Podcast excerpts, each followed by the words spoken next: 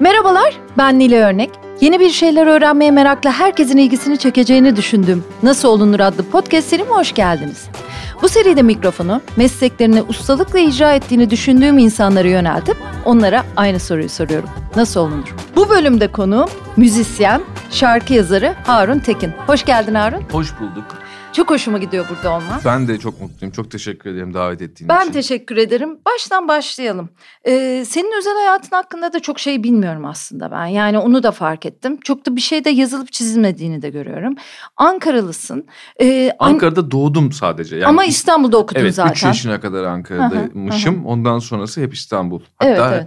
Levent de, de büyüdüm yani. Onu, Evet. onu söyleyebiliriz. Çekim yaptığımız E, e, evet. alanlar diyeyim. Duygusal anlar yaşadım o yüzden otopark ararken 33 dakika boyunca. Annem baban nasıl insanlar? Ben çok merak ediyorum. Ee, Kardeşin var mı senin? çok- var. Hepsi çok tatlı insanlar. Yani onu nasıl anlatılabilir bilmiyorum. Bence çok iyi bir anne baba. Hı hı. Ee, yani çok kolay yani çok e, desteklediler her zaman ne yapmak istiyorsam. O açıdan haklarını ödeyemem. Ne iş yaparlar? Ee, babam kimya mühendisi ama MBA'yi de var Kolombiya Üniversitesi'nden. Annem de harita ressamı ama ben doğduktan sonra pek işini yapmaya imkan bulamamış. Onu çok fazla meşgul etmişim sanıyorum. Hı. Ee, Sen büyük çocuk musun? evet. Hı hı. Benim bir tane daha bir upgrade'im var. Pelin. O benden her açıdan daha yetenekli ve daha ha, böyle bir çok tatlı bir kız kardeşim var. Hı hı. O da e, yurt dışında yaşıyor. Bir tek babanın Darüşşafaka'dan mezun olduğunu biliyorum. Aa, evet, Orada okuduğunu Da- biliyorum. Darüşşafakalı ve onu çok önemsiyor bütün Darüşşafakalılar gibi. Hı hı. Onların e, çok hoş bir dayanışma şey hikayeleri var. O mesela ben Alman liseliyim hiç esamesi bile okunmaz bizde öyle Alman liselilerin dayanışması falan diye bir şey yok Hı. yok gibi. Hı hı hı hı. E, ama onlar da öyle değil ve o çok anlamlı ve çok hoş geliyor bana. Hep böyle seninle ilgili okurken, e, konuşmalarını izlerken e, aileni çok merak ettim. Yani çünkü nasıl bir ailede yetişmiş? A- ailesi onunla çok mu konuşmuş gi- gibi vesaire. Bunları düşündüm yani. Ya Çok mu kitap oku demişler ya da seni çok mu rahat bırakmışlar? Sonra babanın senin müziğine verdiği desteği okudum birkaç yerde. Hani Ya öyle şey hikayeler var. Yani aslında mesela gitar çalmaya başlamamın güzel bir motivasyonu var. Babamın bir e, bana aldığı bir klasik gitar vardı. Küçük de bir boy yani hafifçe küçük normal bir gitardan. Junior diyebiliriz. Hı hı.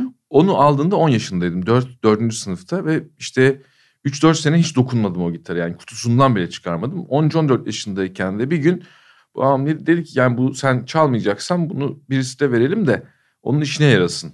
Mesela o cümle sayesinde ben aslında gitara başladım. Bu bence çok şey e, süper bir ebeveyn tavrı yani. Peki e, sesini kullanmayı nasıl öğrendin? Onu 3 albüm ve 400 konserle öğrendim. Yaklaşık 4. albüm civarında Hmm. öğrendim sanıyorum. Yani practice makes perfect dedikleri hani pratik mükemmelleştirir denilen şeyin hakikaten doğru olduğunu düşünüyorum. Belli e, çalışarak da yapılabilir bu tabii. Zaten işte mesela klasik müzisyenlerin gittiği yol daha öyle bir yoldur. Ama benim ben yani kayıtları dinleyerek de bunu duyabilir dinleyiciler zaten. Hı hı. Hmm, Anlayanlar. Yani ben bir şarkıcı olmaya gerçekten hani belki üçüncü albümde falan başladım. Yani şarkı söyleyen biri, Hmm. yani kendi şarkılarını söylemeye çalışan biri, Hı hı. kendi şarkılarını söyleyen biri, Hı hı. işte kendi şarkılarını fena söylemeyen biri, başkalarının da şarkılarını biraz söyleyebilen biri, bir- sonra şarkıcı falan oluyor. Ne olsa eğer Hı hı. Ben 10-12 sene yani ilk albüm çıktıktan epey sonra kendimi şarkıcı gibi hissetmeye başladım.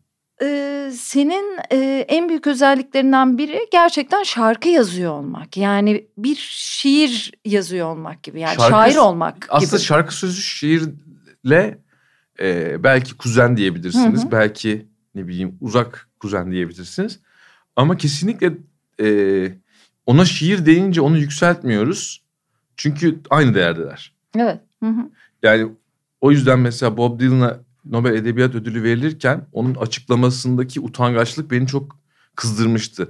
Yani adam şarkı yazarı olarak bunu aldı demek yerine Hı hı. Amerikan şiirine katkılarından dolayı demeleri beni birazcık meslek erbabı olarak üzmüştü. Fakat tabii sonuç olarak bu bir şarkı yazarının edebiyat ödülü almasından doğan mutluluğu da bastıracak kadar kuvvetli bir üzüntü değildi.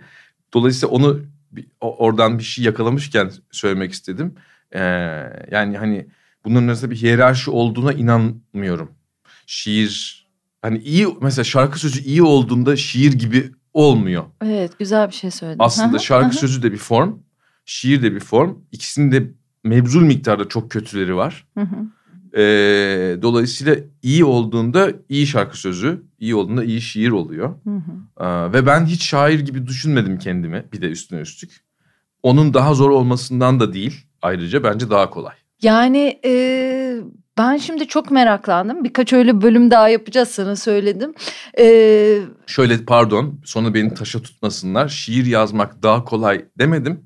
Bir form olarak şiir e, şarkıdan daha özgür.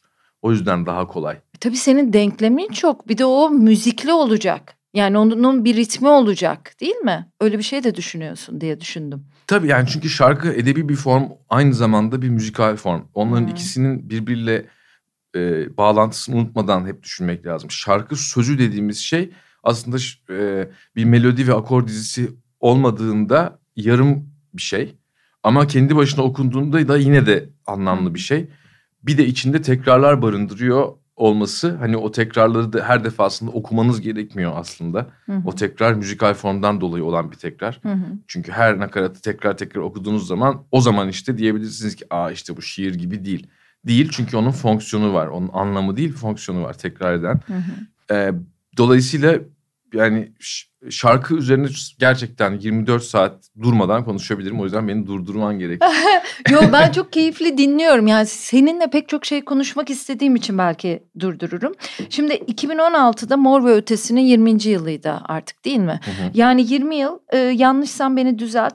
10 albüm, 7 single, 4 de başka albümde çeşitli şarkılarınız yayınlandı diye düşünüyorum. Belki sen saymamışsındır ama ben sizin siteden böyle saydım sanki. Şöyle 7 stüdyo albümü var. Onun Hı-hı. dışında da iki tane box set, bir tane toplama kendi yayınladığımız remix albümü Başı Bozuk deyince yani epey bir şey oluyor evet. Ben e, şuna çok imrendim. Yani Kerem Kabadayı'yla kaç senelik arkadaşsınız değil çok. mi? 32 oluyor, oluyor bu sene. Evet uzun süreli arkadaşlıkları Çok artık daha uzun olmuyor hatırlamıyorsun daha uzun zaten. zaten e, 77'lisin yani. 9 yaşındaki arkadaşlığını hatırlamıyorsun zaten. Evet evet. Ee, senin Boğaziçi Üniversitesi'nde yaptığın konuşmayı e, dinledim.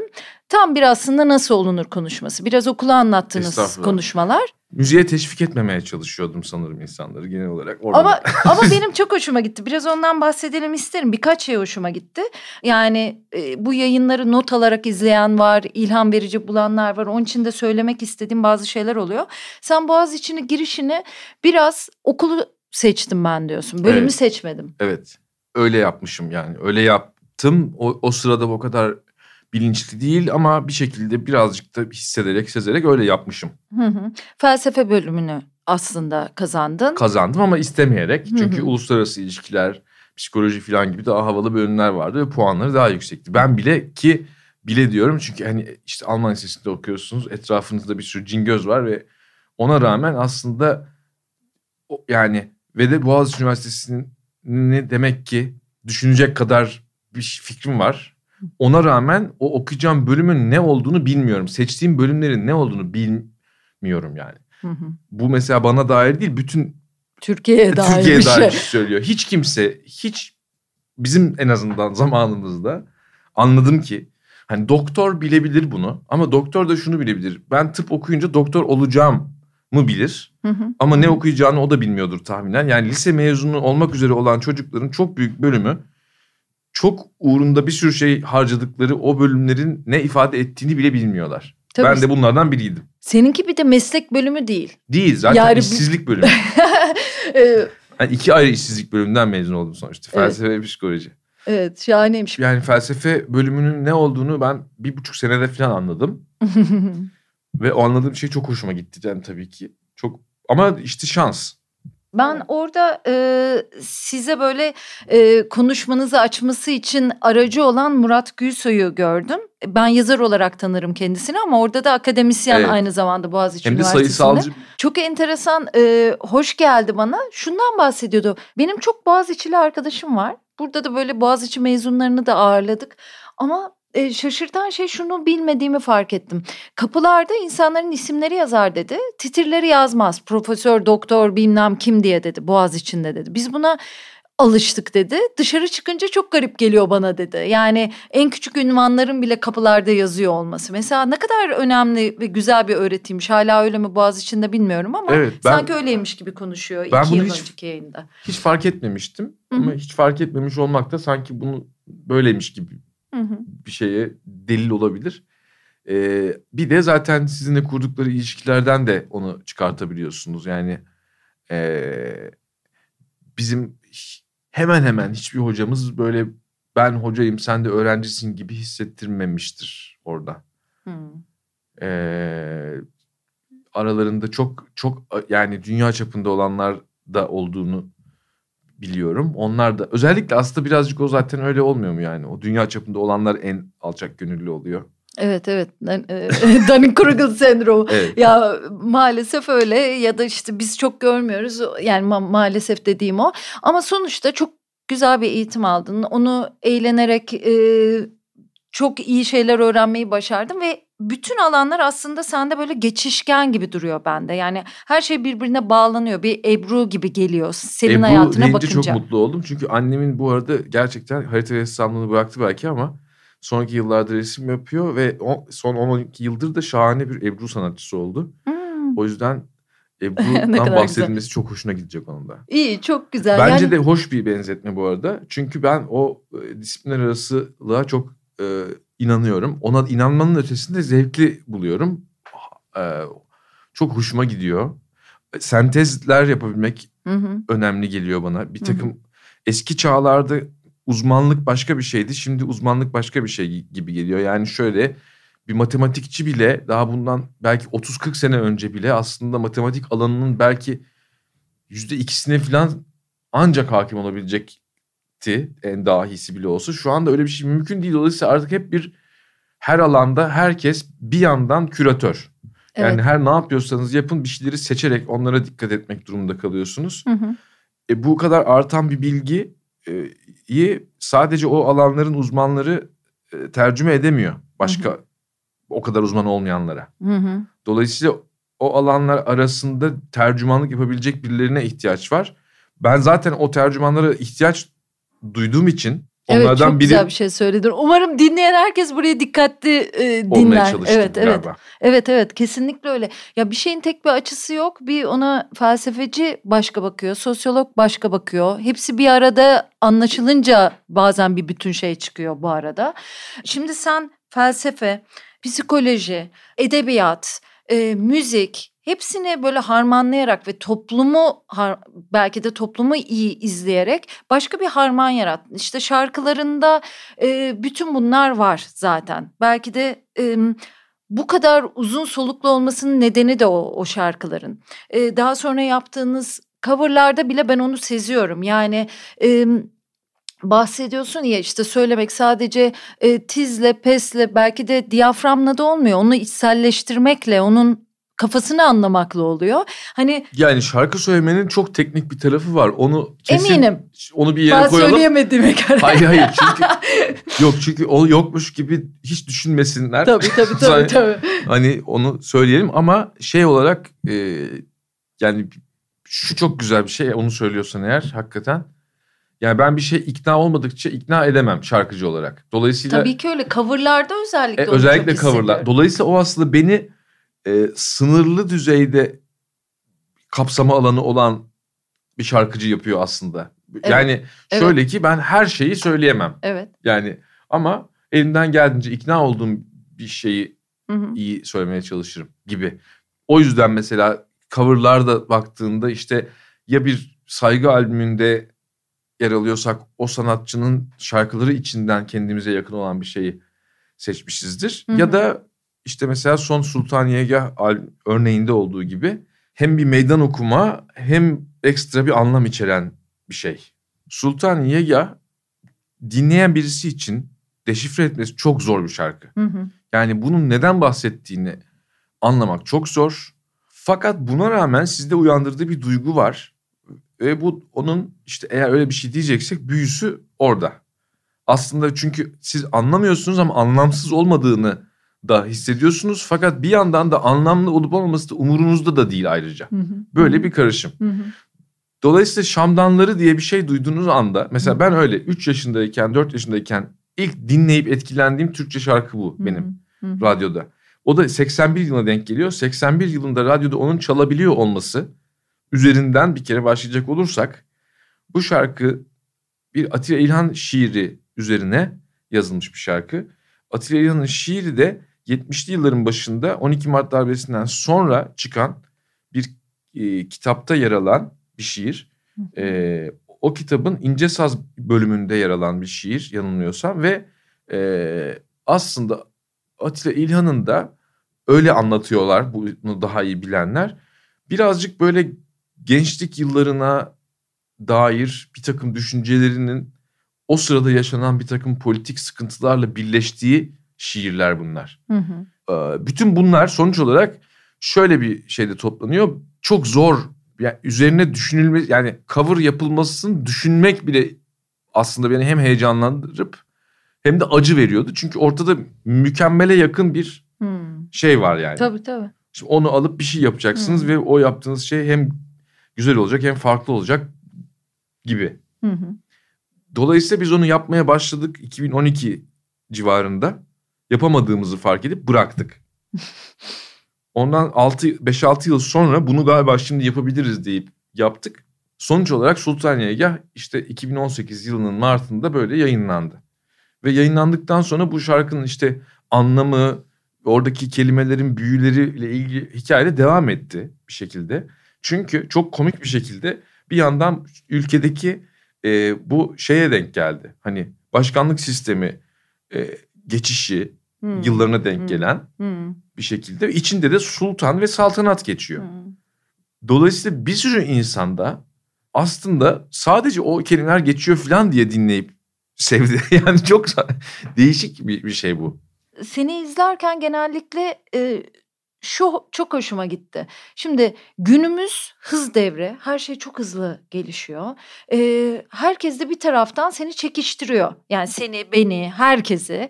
E, hayat çekiştiriyor, işte ekonomi çekiştiriyor, ülke çekiştiriyor zaten. Ülkenin hali çekiştiriyor.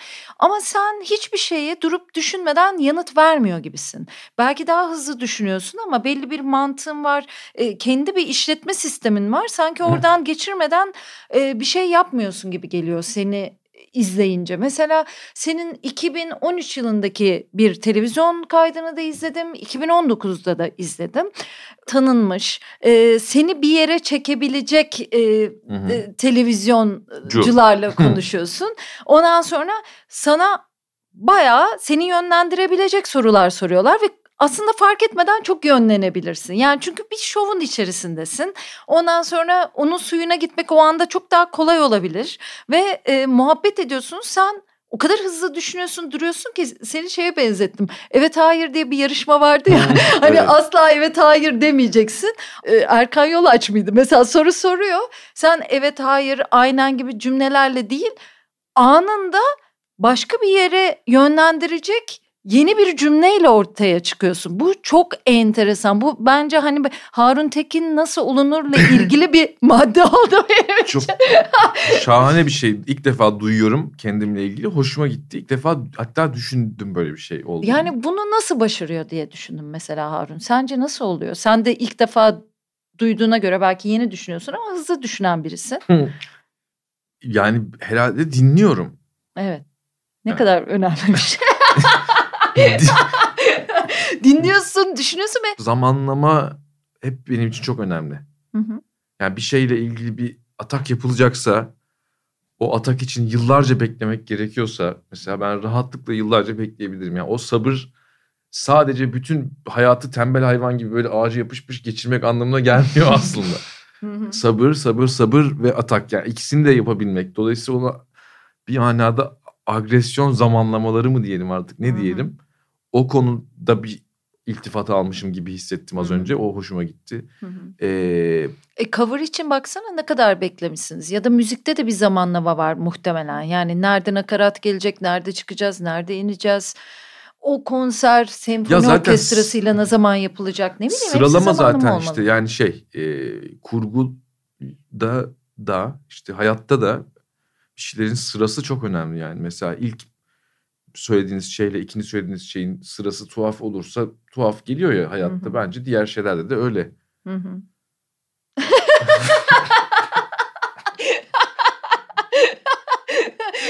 Diyeceğiz şimdi? Bunun çözümlemesi nedir gibi bakışın çok hoş. Bilmiyorum. çok iltifata böyle şey yapamıyorum. Yok ya ben de seni çok iltifatlamak istemedim. Onun için böyle sakin kendi tonumda olmayan hani normalde çok daha neşeli ve yüksek bir tonda konuşuyorum burada ama böyle daha sakin ve ciddi konuşmaya çalışıyorum. Konuğunu çok öven insan olmak istemiyorum ama Estağfurullah estağfurullah. gerçekten çok beğenerek seni Sağ ol ettim eksik abi. olma. Yani çok teşekkür ederim. ee, uzun süredir hani Twitter'da böyle birbirimizi takip ediyoruz Evet. vesaire ama okuma yapmak bir insana daha derinden bakmak gerçekten çoğu zaman çok güzel oluyor. Yani ben senin yazdıklarını hani bir gün gazetesinde yazdıklarına da denk gelmişimdir. Genel anlamda beğeniyorum. Mesela bu yıl yayınladığın bir Instagram yeni yıl mesajı gibi de görülebilir tamam mı? Ama benim çok hoşuma gitti. Yani işte benim de çok vurgulamak istediğim hani umudun kendisi olmak, üretken olmak, bir şeyler yapmak. Ya sonuçta e, herkesin durumla başa çıkmak için çeşitli yöntemleri var. E, üretken olmak, var olmak için çeşitli yöntemleri var. Sen bu ülkede güzel okullarda okudun, e, başarılı da oldun, güzel bir grubun var. Bu ülkeden beslendin ve bu ülkeye verdin. Yeterince bence takdiri de yeterince mi bilmiyorum ama yani bir takdir gördüğünde Tabii kesin canım. e, pek çok insana göre daha yerini bulduğunu düşünüyorum ama bir taraftan da hiç durmadan da çalışıyorsun. Mesela hani e, das das yani öyle bir projelere girmek e, gerekmeyebilirdi ya da babacım yani stüdyoya aldınız onlardan bahset istiyorum zaten ve e, orası ölmesin yaşasın diye yani müzikle ilgili çoğu insan Hı. O stüdyonun önemini ve değerini bilir ama ben de müzisyen arkadaşlarımdan biliyorum. Ee, bir taraftan Das Das var, Babacım var, Mor ve Ötesi var, MSG var şimdi işte musiki eseri sahipleri grubu meslek birliği değil mi Evet. açılımı? Yani dört koldan bir şeylerle uğraşıyorsun. Bugünlerde çok ihtiyaç duyduğumuz insan tiplerinden birisin. Onun için de e, işte övücü bir yayın Yo, gibi olacak diye de ben de böyle iyice ciddiye bağlamaya Ben çalışıyorum. şöyle bir şeyi önemsemeye başladım. Bu e, hayatta işte bir şeyler değişsin isteyen insanların önünde e, çok ciddi bir problem var. E, sinir hastası olmak. Tabii canım. Ve Türkiye'de bunun maalesef e, son 6-7 yılda e, yani çok örneklerini gördük. Bunun bir yansıması da işte karşıtına benzemek şeklinde ortaya çıkıyor. Evet. Ee, ben de zaman zaman böyle şeyler yaşadım. Yani o, o e, hani bir sükunet abidesi asla aslında değilim. Şimdi aslında ben bir şarkı yazarıyım ya. hı. Aslında benim işim de tutkum da bu. Bunun önemli bölümü duygularla ilgili. Hı hı. E, fakat şimdi duygularla ilgili konuşacağımız zaman duygunun aslında yine yani kalbin değil beynin bir fonksiyonu olduğunu hatırlayıp ondan sonra şöyle bir noktaya varıyoruz. Ya biz bu fonksiyonla biraz fazla mı ilgileniyoruz acaba? Yani Tü- Türkiye'de artık bu duygular sel şeklindeki durumdan bana çok gına geldi ve ben bunu bir yani ne bileyim borsacı ya da işte e, inşaat mühendisi ya da ne bileyim bankacı falan değil şarkı yazarı olarak söylüyorum. Yani düşünün artık ne kadar duygu fazlası olabilir bu ülkede. Yani birazcık soğukkanlılık diye yalvarıyorum aslında. Yani yapmaya çalıştığım şey bu. Sakin olunuz. Yani Türkiye'de her sosyal, siyasal, işte sınıfsal grubun e, belli bir duygusunu ateş ederek onları yoldan saptırmak mümkün. Hı hı. Senin dikkatini dağıtmak istiyorum. Hı hı. Derhal nereye ateş edeceğimi biliyorum. Hı hı. Ve de sen artık kendi savunmak için yola çıktığın şeyi savunmuyorsun. Birileriyle kavga ediyorsun. Evet. Ve bunun bu kadar sık sık uygulanan ve bu kadar herkesin açık açık görebildiği bir şey niçin o e, gruplar ve ekipler ve işte insanlar tarafından görünemiyor. Bunun üzerine de kafa yorunca karşımıza maalesef Hı hı. e, birkaç tane bir şey çıkıyor. Onlarla ilgili de söyleyeceklerim var yani. Bir tanesi tabii erkeklik gururu. Hı hı. Yani çünkü ben böyle gururu incindi diye karşı tarafa çemkiren insanlara baktığım zaman çoğunun erkek olduğunu görüyorum maalesef. Hı. Bir. E, ikincisi de belli pozisyonlarda olan insanlara şöyle bakmak lazım. Ki bunu sadece devlet yönetenlerle ilgili falan söylemiyorum. Hatta ki tercihen kendimize en yakın olanlara bakarak bunu yapmamızı isteyeceğim. O insanın en büyük özelliği o pozisyonda olmaksa orada bir problem var. Evet. Hı hı. Yani hayatta geri, en büyük değer atfettiği şey orada olmak. Bu belediye meclisi üyesi mi? Sendika başkanı mı? Meslek birliğinde bir şey mi? Ya da bir bakan mı? Fark etmez ama o bulunduğu yerde olmak onun için hayattaki en büyük başarıysa eğer bu yönetici Hı hı. idari pozisyonlarda o insanlar orayı kaybetmemek için her şeyi yapıyor. Evet. Yani iktidarla ilgili bir şey değil. Bunu görmeyen veya bunu görüp de bununla ilgili bir şey yapmayan Hı hı. lar şu andakinden daha iyi bir şey kurmaya muktedir olamazlar. Benim en son zamanlarda fark ettiğim şey bu.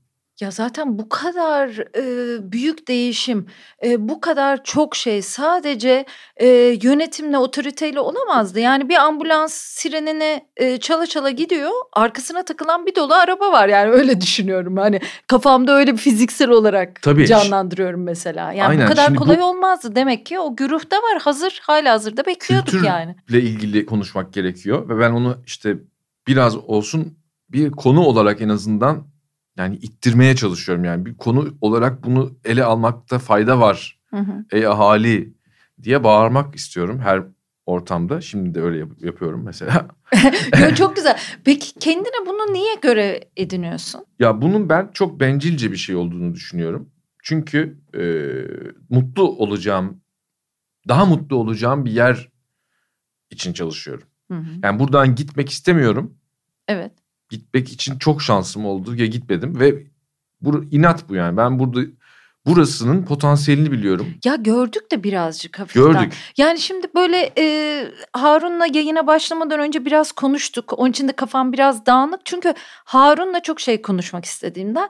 Bu e, podcastler başladığında nasıl olunur biraz daha fiziki madde madde gitti. Ondan sonra ve ondan da çok memnunum. Ama daha sonra da böyle alt metinler ortaya çıktı. Ya bir o kişi e, hayat yolculuğunda nasıl güzel yollar buldu, neleri önemsedi ve nelerden güzel dersler aldı onu konuşuyoruz zaten. Meslekleri konuşuyoruz, iş anlamında konuşuyoruz. Hakem olmak, orkestra şefi olmak bunlar fiziki nasıl olabilirler? Yani sana da sorabilirim bunun bir tekniği var mı şarkı sözü yazmanın Hmm. mesela gibi.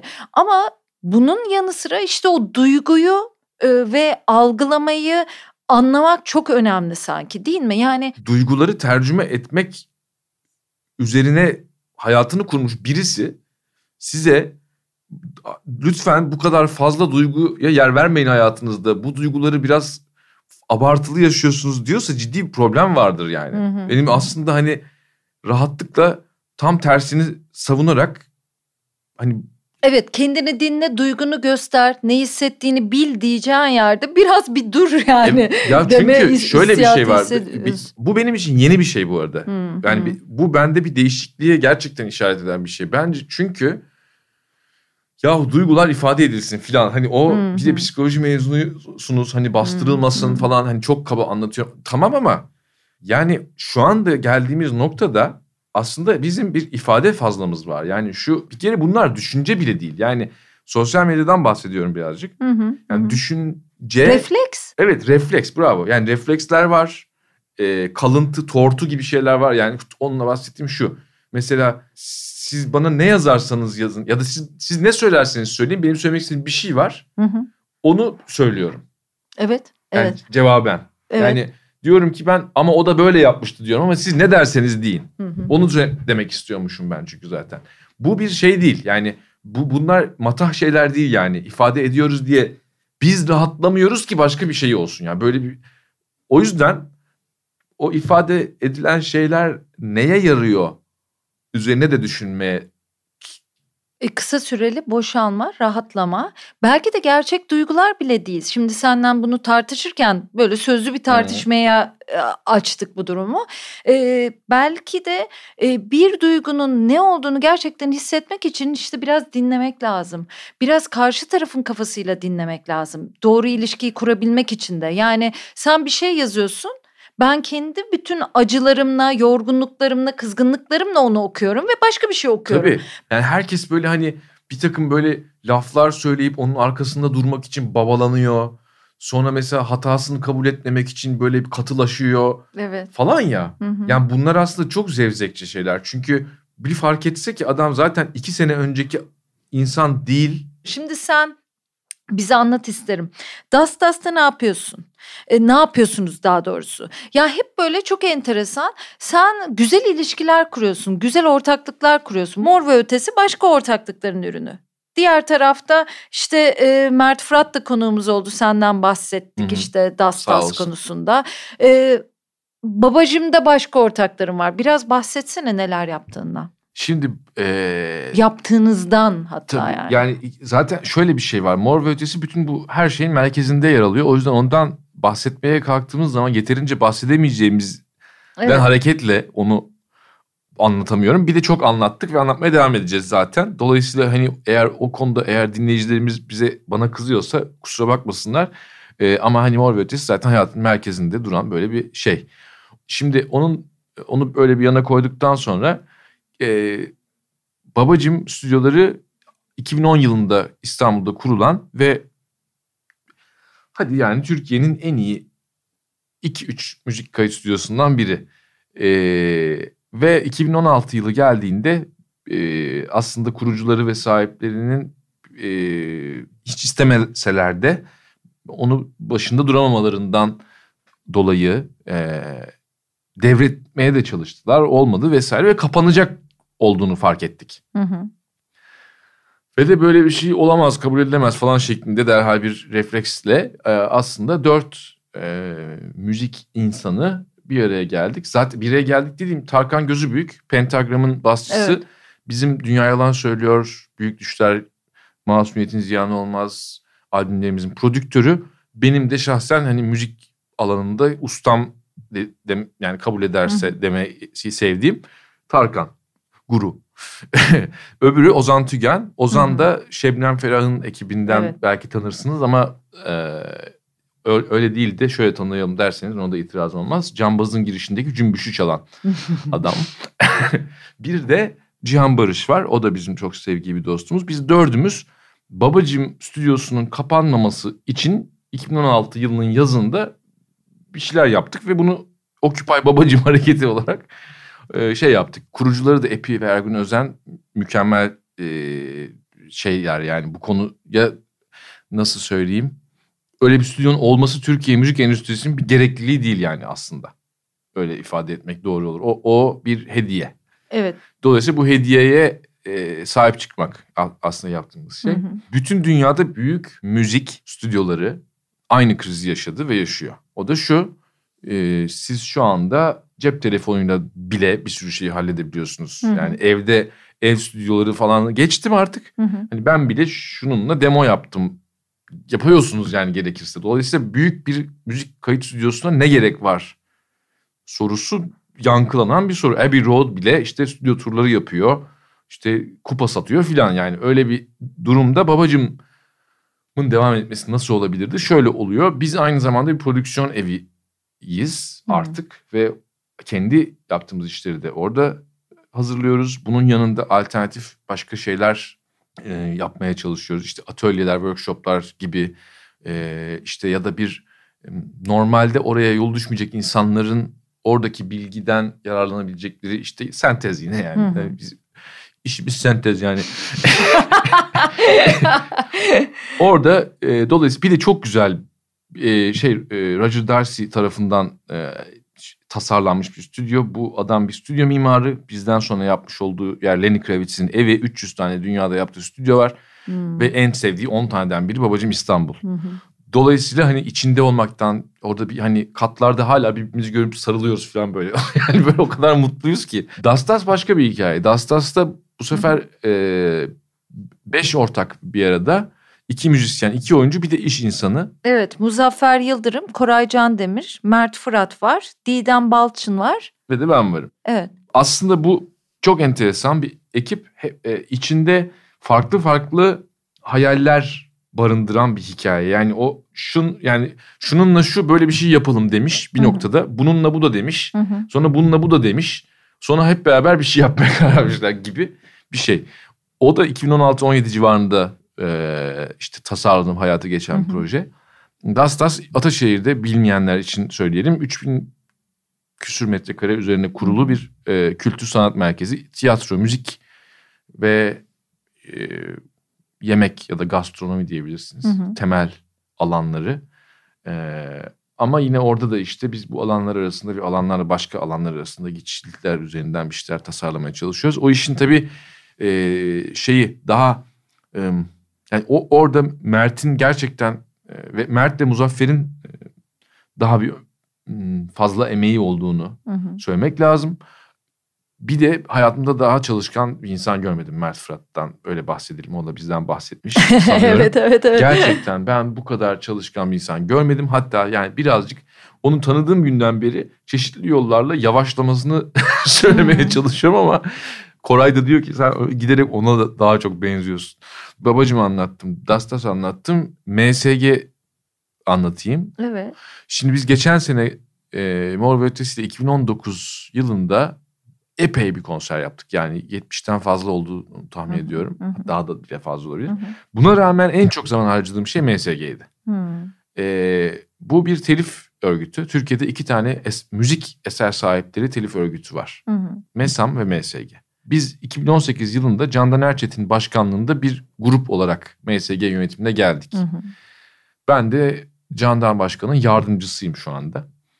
Ve biz e, aslında yapmak zorunda olmadığımız ve işte o bulunduğumuz pozisyondan ibaret olmadığımız için bir fark yaratmaya çalışıyoruz. Hmm, çok güzel, evet. Ee, yoksa orada olmak bize gerçekten bir şey kazandırmıyor. yani hmm. Türkiye'deki müzik endüstrisinin aslında her tarafına dair üç aşağı beş yukarı bir fikrim vardı. Fakat e, telif kısmı ile ilgili en çok şey öğrendiğim sene oldu 2019. Hmm. Seni ne şaşırttı mesela? Şaşırtan bir Beni şey söylesene. Beni bir kere bu şu şaşırttı. Şimdi e, bir takım insanlar bulundukları noktaları terk etmek istemiyorlar. Bu kadar net. Ve müzik endüstrisi 15-20 kat büyümekle e, küçülmek arasında bir tercih yapıyor bu yıllar içinde. Şu içinde bulunduğumuz yıllar içinde. Ben anlamadım bunu. Şimdi şöyle. Müzik endüstrisinin içerisinde telif dünyası önemli bir kısmını oluşturuyor. Evet. Burada da birçok e, meslek birliği var. Hı hı. Bu meslek birliklerinin hepsinde de değerli birikimler var. Fakat ortak akıl tam olarak ortaya çıkamıyor. Hı. Çünkü sizin mesela gidip kardeşim bana telif ver diyebileceğiniz bir buçuk milyondan fazla işletme var Türkiye'de. Hı. Fakat siz bunların e, daha yüzde beşinden bile para toplayamıyorsunuz. Çünkü kendi aranızda tam olarak mevzuyu bir anlaşmaya oturtamamışsınız. Hı hı. Ve de burada e, üstüne üstlük e, suçlayacak, eleştirecek e, birileri varsa o birileri de başka mahallelerden de değil. Ben buraya çok fazla zaman, emek ve enerji harcadım ve gördüğüm şeyi müzisyenlerle paylaşmak zorundayım. Eser sahipleriyle. Bizim meslek birliğimizden bahsetmiyorum. Bizim kendi meslek birliğimizle ilgili biz ne yapabilirsek yapıyoruz. Yani Türkiye'de telif konusunda müzikçiler çok iyi durumda öbürlerine göre.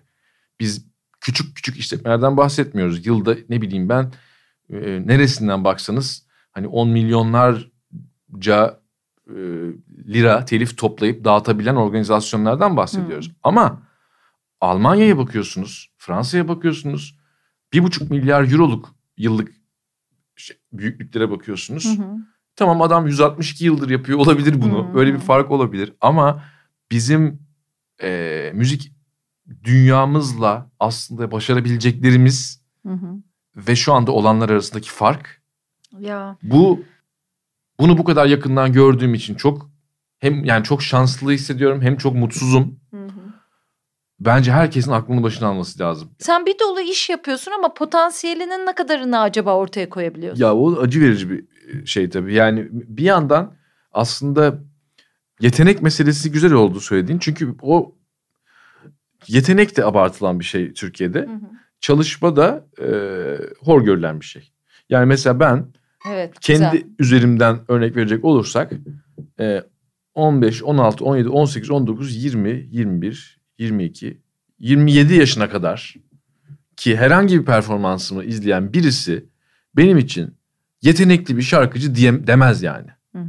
Ama Yani- çalışkansın. İşte yani evet çalış yani çalışarak bir fark yaratılabileceğine inanıyorum. Çok çalışkan da bulmuyorum kendimi de ama yani çalışarak fark yaratabileceğiniz yetenek yok demiyorum ama yetenekle kastedilen şeyin böyle bir çok abartılmasını özellikle bizim gibi bir kültürde çok yanlış buluyorum. Çünkü e, adam yeteneği var ve bütün hayatı boyunca o yeteneğiyle bir şey yapıyor. Fakat yeteneği var diye yeterince para da kazanıyor ve geri kalan şeylerde ağzını açtığında saçmalayan saçma sapan bir figür oluyor mesela. Hı hı, hı. Onun yerine şurada da evet en iyi konu şarkı söyleyen fakat acayip işler yapan birisi var. Ve biz bunu tercih ediyoruz çünkü ağzını açınca güzel ses çıkıyor diye. Yani bu da bir saçma bir şey. Şimdi sizin Türkiye'de e, ne kadar yeteneğiniz varsa bir kısmı gitti. E, ona da ayrıca üzülüyorum ama geri geleceklerine inanıyorum çoğunun. Gelmeseler de kalbi burası için atan insanların çok faydası olabilecek bir dönem zaten. Ama e, var yani Türkiye'de bir sürü çok ışıltılı böyle genç insan var. Müzik şeyinde de e, alanında da. Ama işte onların potansiyellerini hayata geçirmesi için gereken şeyler neler? Onlarla uğra- uğraşıyoruz bir yandan. Çünkü o o potansiyel var diye hayata geçmiyor. O potansiyelin hayata geçmesi için bir sürü bir sürü bir sürü şeyin oturmuş olması birazcık da şans gerekiyor. Evet. Şimdi hadi birazcık da şans olsun ama siz yani o insan sadece müziğini yaparak yaşayabilecek bir ekonomiye sahip olmalı ki isterse başka bir şeyler yapsın. Yani isterse de yapmasın. Şimdi onu sağlayamadığınız zaman e, bir sürü insan müzik yapacağına maaşlı bir işte çalışır. İşte para kazanmak için hep ikinci iş yapan insanları görüyoruz, duyuyoruz. Ya Yani. bizim durumumuzda bu şöyle cereyan etti mesela son yıllarda ülkenin iki, yani bizim s- 2013 yılında son stüdyo albümümüz çıktı. 2016 yılında o e, 20. yılımızı kutlamak için bütün külliyatımızı toplayıp üstüne iki tane yeni şarkı kaydettik. Sonra işte Sultaniye Gah falan ama 2013'e kadar gelen tempo yok. Mor, ve Ötesi'nde olmadı yani. Şimdi tekrar başka bir tempoya gireceğiz. Onu da ayrıca yani zaten işte hissettirmeye başladık. Hı hı. Yani bir şeyler kaydedelim, yayınlayalım Hı hı. istiyoruz. Çok da ruh hastası şeyler de yapmak istiyoruz ayrıca. Ama diğer yandan bütün bunlar olup biterken ortam dedim ya. Yani 2013'ten itibaren yaşadıklarımızı düşünüyorsunuz. Hı hı. Yani bence aslında hakikaten bu ülkeye dair ya da bu ülkede yaşayan insanlara bir şey söylemek isteyen herkes Hı hı. bir şekilde şoka girdi. Yani bence böyle bir, biraz balık gibi kaldık. Yani ne diyeceğimi bilemiyorum var bunun içinde. yani bu kadarına ne diyeceğimi bilemiyorum var. Bir yandan ne desem beğenirsin var. Yani bir tane çünkü şöyle de bir şey hissettik çok uzun süre. Onu yavaş yavaş atlattık ama hissettik bunu. Ülkenin orta yerinde bir tane duvar var. Hı hı. Duvarın üstünde bizim tarafa doğru dönmüş devasa hoparlörler ve ekranlar var. Oradan sürekli bir şey bağırılıyor. Öbür tarafa sen bir tane minicik bir kağıt parçası bile atamıyorsun. Hı hı. Atmaya çalıştığın zaman öbür taraftakiler sinirleniyorlar hatta kafama kağıt düştü diye. Böyle bir durumda sen şöyle bir tercih yapacaksın. Hı hı. Ben bari duvarın bizim tarafındakilere bir şey mi anlatmaya çalışayım? Yoksa şey hoparlöre taş mı atayım? Hı hı. Yoksa bir şey bulayım hoparlörleri ters mi çevireyim? Hı hı. Bir şey bulman lazım yani ve bu çok kolay bir şey değil. Evet ve bunları yaparken hayat geçiyor, senin yaşın geçiyor, üretken dönemlerin geçiyor, bir şeyler yapmak Evet. istiyorsun, heyecanlandığın hobilerini işe dönüştürmek istiyorsun değil mi? Yani hayatta da üretken olduğumuz Evet. bir dönem var yani. Ama bu bu dönemi bir şekilde işte aklına mukayyet olarak Evet. Eee, falan ve hani çok zorluklar yaşayan, çok sıkıntılar yaşayan bir sürü insanlar var. Özgürlüklerinden olanlar var, Ve ülkesinden olanlar. görmemezlikten gelmemen gerekiyor. Evet, bütün yani bütün bunlar varken e, şey yapmanın bir zorluğu var bence. Yani müzik yapmanın. Hı, hı hı. Ve bence bundan dolayı aslında enteresan bir şey oldu. Hayatında ilk yaptığı müzikler bu döneme denk gelen bir sürü insan oldu. Hı. Onlar böyle bir şey hissetmediler. Onlar mükemmel bir kuşak oldu. Yani hip hopçılar var içinde işte yeni tuhaf isimli müzik grupları denilen hepsi de canımız olan yüz yüzeyken konuşuruz. Son feci bisiklet, büyük ev ablukada bir sürü Hı. müzikler var. Bu bu bu müzikler e, bana çok umut veren şeyler. İşte Evet. ezeller öbür tarafta rapçiler. Hı. O yani nasıl söyleyeyim bir yandan takati kalmamış birileri varken Hı hı, birileri de böyle zaten daha ilk laflarını ettikleri bir dönem oldu. hı hı. İyi ki öyle oldu. Şimdi bence e, biraz yara sarma dönemi başlıyor. Hmm. Senin e, Twitter'daki profilinde e, müzisyen, şarkı yazarı ve çapulcu yazıyor mesela. Evet, tamam produ- mı? producer de yazıyor. E, Producer de yazıyor, evet. E, peki o çapulcuyu özellikle orada tutman senin için ne ifade ediyor? Sonra da değiştirmeye ihtiyaç duymadım. Yani öyle hayatımda ben- gördüğüm en güzel şeyi görmemiş gibi yapamayacağım. Evet. Yani 2013 yılının Haziran ayı olmasaydı Hı hı. aslında çok komik bir şekilde ben Türkiye'de yaşamıyordum. Hmm. Yani be- benim buraya dair yani çünkü ondan bir hafta yani Mayıs ayının sonlarında biz bir ekip Reyhanlı'ya gittik. Reyhanlı'daki patlamanın gerçekten neye yol açtığını, orada insanlar ne hissetti, bu ne? Hı hı. Bunu anlamak Hı hı. için bir grup müzisyen yanımızda bir de Ahmet Mümtaz Taylan abimiz de alıp Hı hı. oraya gittik. Hı hı. Orada bir gün geçirdik. O günün sonunda ben İstanbul'a dönerken Hı hı. şöyle bir karar vermiştim. Ben bu kadar kötülükle baş edemeyeceğim. Hı Bir kere geldik bu dünyaya. yenildim yani hı. duygusuyla döndüm. Sonra ama fikrimi değiştiren bir şey oldu. Peki e, nasıl olunur adlı bir programın konuğu olarak Harun nasıl olunur sence? Nasıl daha iyi insan olabiliriz? Nasıl daha iyi müzisyen olunur? Nasıl daha iyi şarkı sözü yazılır? Sen mesleğine dair bir şeyler söyle bize. Neler okuduğundan bahset. E, kendi formüllerinden bahset bize. Yani şiir okuyorsundur diye düşünüyorum. İhsan Oktay'ı anar. Onu çok seviyorum. Çok sevdiğini biliyorum. Evet. Suskunlarla ilgili bir şeyler yapmayı düşündüğünüzü biliyorum. Suskunlarla ilgili film yapılır da müziğini başkası yaparsa seti basacağımı da biliyorsun. Yok o kadar bilmiyorum ama Evet. ben çok çok severim İhsan Oktayanar'ı. Ee, neler neler söylemek istersin? Ee, yani öyle bir şey söylemeye mezun olmadığımı öncelikle söylemek isterim. Sadece sen sordun diye söyleyeyim. Bana kalırsa e, kendi yaptığın işin dışındaki alanlardaki ilgiler, dikkatler daha fazla rol sahibi oluyor. Evet Yani güzel. bir yere kadar bir inceleme araştırma kitabı okumak bazen bir albüm dinlemekten daha ilham verici benim için. Hı hı, güzel. Çünkü o böyle şey gibi bir şey değil. Yani bir havuz var. Havuzda su akıyor. O havuzdan da su çıkıyor gibi hani müzik dinleyelim ki müzik yapalım şeklinde bir Hmm. formül yok. Onu o, o da kolay bir şey değil kabul etmesi. Özellikle müzisyenler için. Çünkü zaten zor bir şey yapıyorsun Hı hı, ve bari hani bir de kitap okuma yani. hı hı, Aslında hı, hani hı. temel formül bu olsa gerek. Hele şimdiki kuşaklar için Hı. video ile öğrenme varken ne kitabı? Ya, tam, tamam video da olur, podcast de olur, her şey de olur ama başka konularla ilgili e, şeyler e, işte ne bileyim ayrılacak zaman mutlaka o işe yansıyor. Yani benim için gerçekten birazcık kurguyla ilgili her farklı sanat alanı bana en az müzikte öğrendiğim kadar şey öğretmiştir. Hı hı. Sinema, işte edebiyat.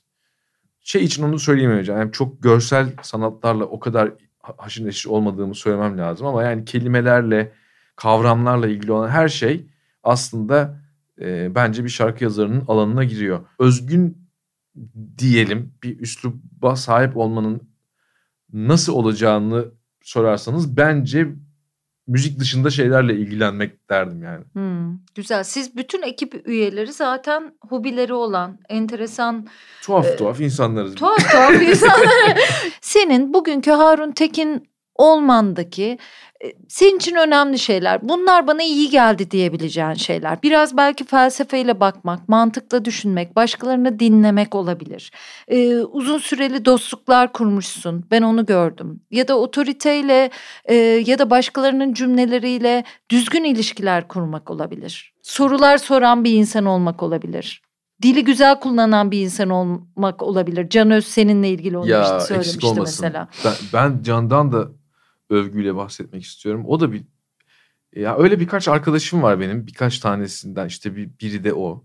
Onları böyle başka türlü görüyorum. Yani böyle sanki ülkenin geleceğinde böyle beraber hani bir şeyleri değiştireceğimiz ve böyle sonra bak mutlu olduk böyle diyeceğimiz insanlar var öyle birkaç tane. Onlardan Hmm. biri benim için. Benim tavsiye edebileceğim değil de yani bu aslında bir çeşit belki de o kadar insana mutluluk verecek bir şey de değil ama kendi duygu durumu veya kendi düşünceleri üzerine düşünmek Hmm, iyi bir şey bence. Evet. Buna biraz ecnebiler psychologically minded diyor kimisi. Hmm, Yani hmm. şimdi bunun öbür tarafında Recep İvedik tiplemesi var. Hmm, Mesela hiçbir şekilde kendi duygu durumu veya düşüncesi üzerine en ufak bir içeride Hmm. Data olmaması var. Hı hı. O bi- bizim çok arzu edeceğimiz sonuçlar vermeyebilir yani. Tam tersi uçta bu sefer sizi şeye götürebilir. Yani e, sadece kendiyle ilgilenip ve hemen hemen hiçbir şey söyleyemeyip yapamayan birine dönüşebilirsiniz. Hmm. Eğer hele bir de mükemmeliyetçilik ve obsesyon Hmm. varsa şeyin mixin içinde o zaman çok rahatlıkla insan bir oturma odasında kendi kendine kapanabilir yani. Hı hı. Ama en azından kendi düşünceleri, kendi hisleri üzerine düşünmeyi, o bir, o bir aşama yukarıdan bakmayı insan başarabildiğinde abartmazsa eğer Hı hı. o zaman bir takım şeylerin işleyişiyle ilgili daha farklı düşünmeye başlıyor. O, o, o da e, bir takım yüklerden kurtarıyor sizi. Yani yanlışlanabilir olmak yani mesela hata Hı. kabul edebilmek.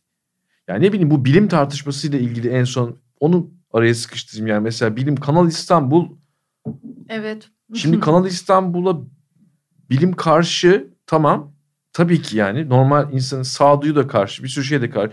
Ya buna karşı deniyor ki ya bu bir mutasip bir bilimciliktir falan diyen gördüm. Yani bilimcilik kisvesi altında işte terakki engelleniyor falan. Ya bilim zaten yanlışlanabilir olduğu için bilim. Adam demiyor ki sana yani dünyanın hiçbir yerinde böyle bir proje asla yapılamaz demiyor. Burada böyle bir şartlar altında bunu yaparsan felaket olur diyor. Şimdi bunun gibi şeyler insanın kendisi için de var. Yani insan her yaptığını böyle ölümüne kadar sahiplenmek zorunda değil. Bu da tutarsızlık değil. Evet. Hı hı. Yani en bence e- yani nasıl olunuru bilemiyorum da yani bir şey söyleyeceksem eğer bizim eğitimimizde bir yanlışlık var. Bize anlatılan şeyler içinde bir iki tane çok büyük hata var. O hatalardan bir tanesi bu şey. Bu tutarlılıkla kafayı bozmuş olmak. Ve bunu bunu da bu sefer hani hani duygularla ilgili konuyu şarkı yazarı olarak söylüyordum. Tutarlılıkla kafayı bozmuşsunuzu da felsefe mezunu olarak söylüyorum. Aslında bizim bütün olayımız yani argümanlar sağlıklı olsun.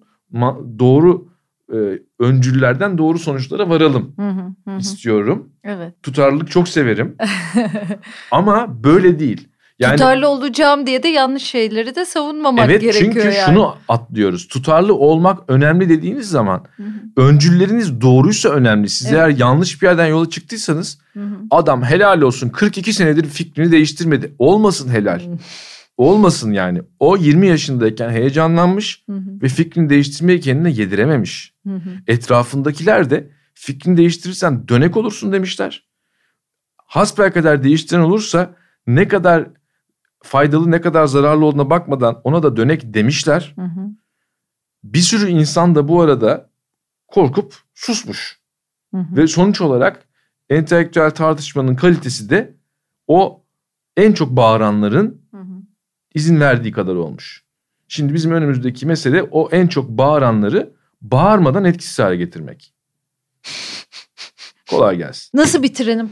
yayına. Teşekkür ederim beni davet ettiğin için. Ben çok keyif aldım. Umarım e, şey e, kötü bir şey söylememişimdir. Yok hiç kötü bir şey söylemedin. Biraz belki dağınık konuştuk. Ben seni toparlayamadım. Ben seni yönlendirmek durumundayım burada ama senin o e, düşünce yapın hoşuma gidiyor. Seni de burada böyle e, düşünmen için özgür bırakmak istedim. Değişik bir yayın oldu bence. Evet dağıt, dağıt bırak dağınık kalsın. Öyle kalsın. Çok teşekkür ediyorum. ben İyi teşekkür ki geldin. ederim. Teşekkür ederim.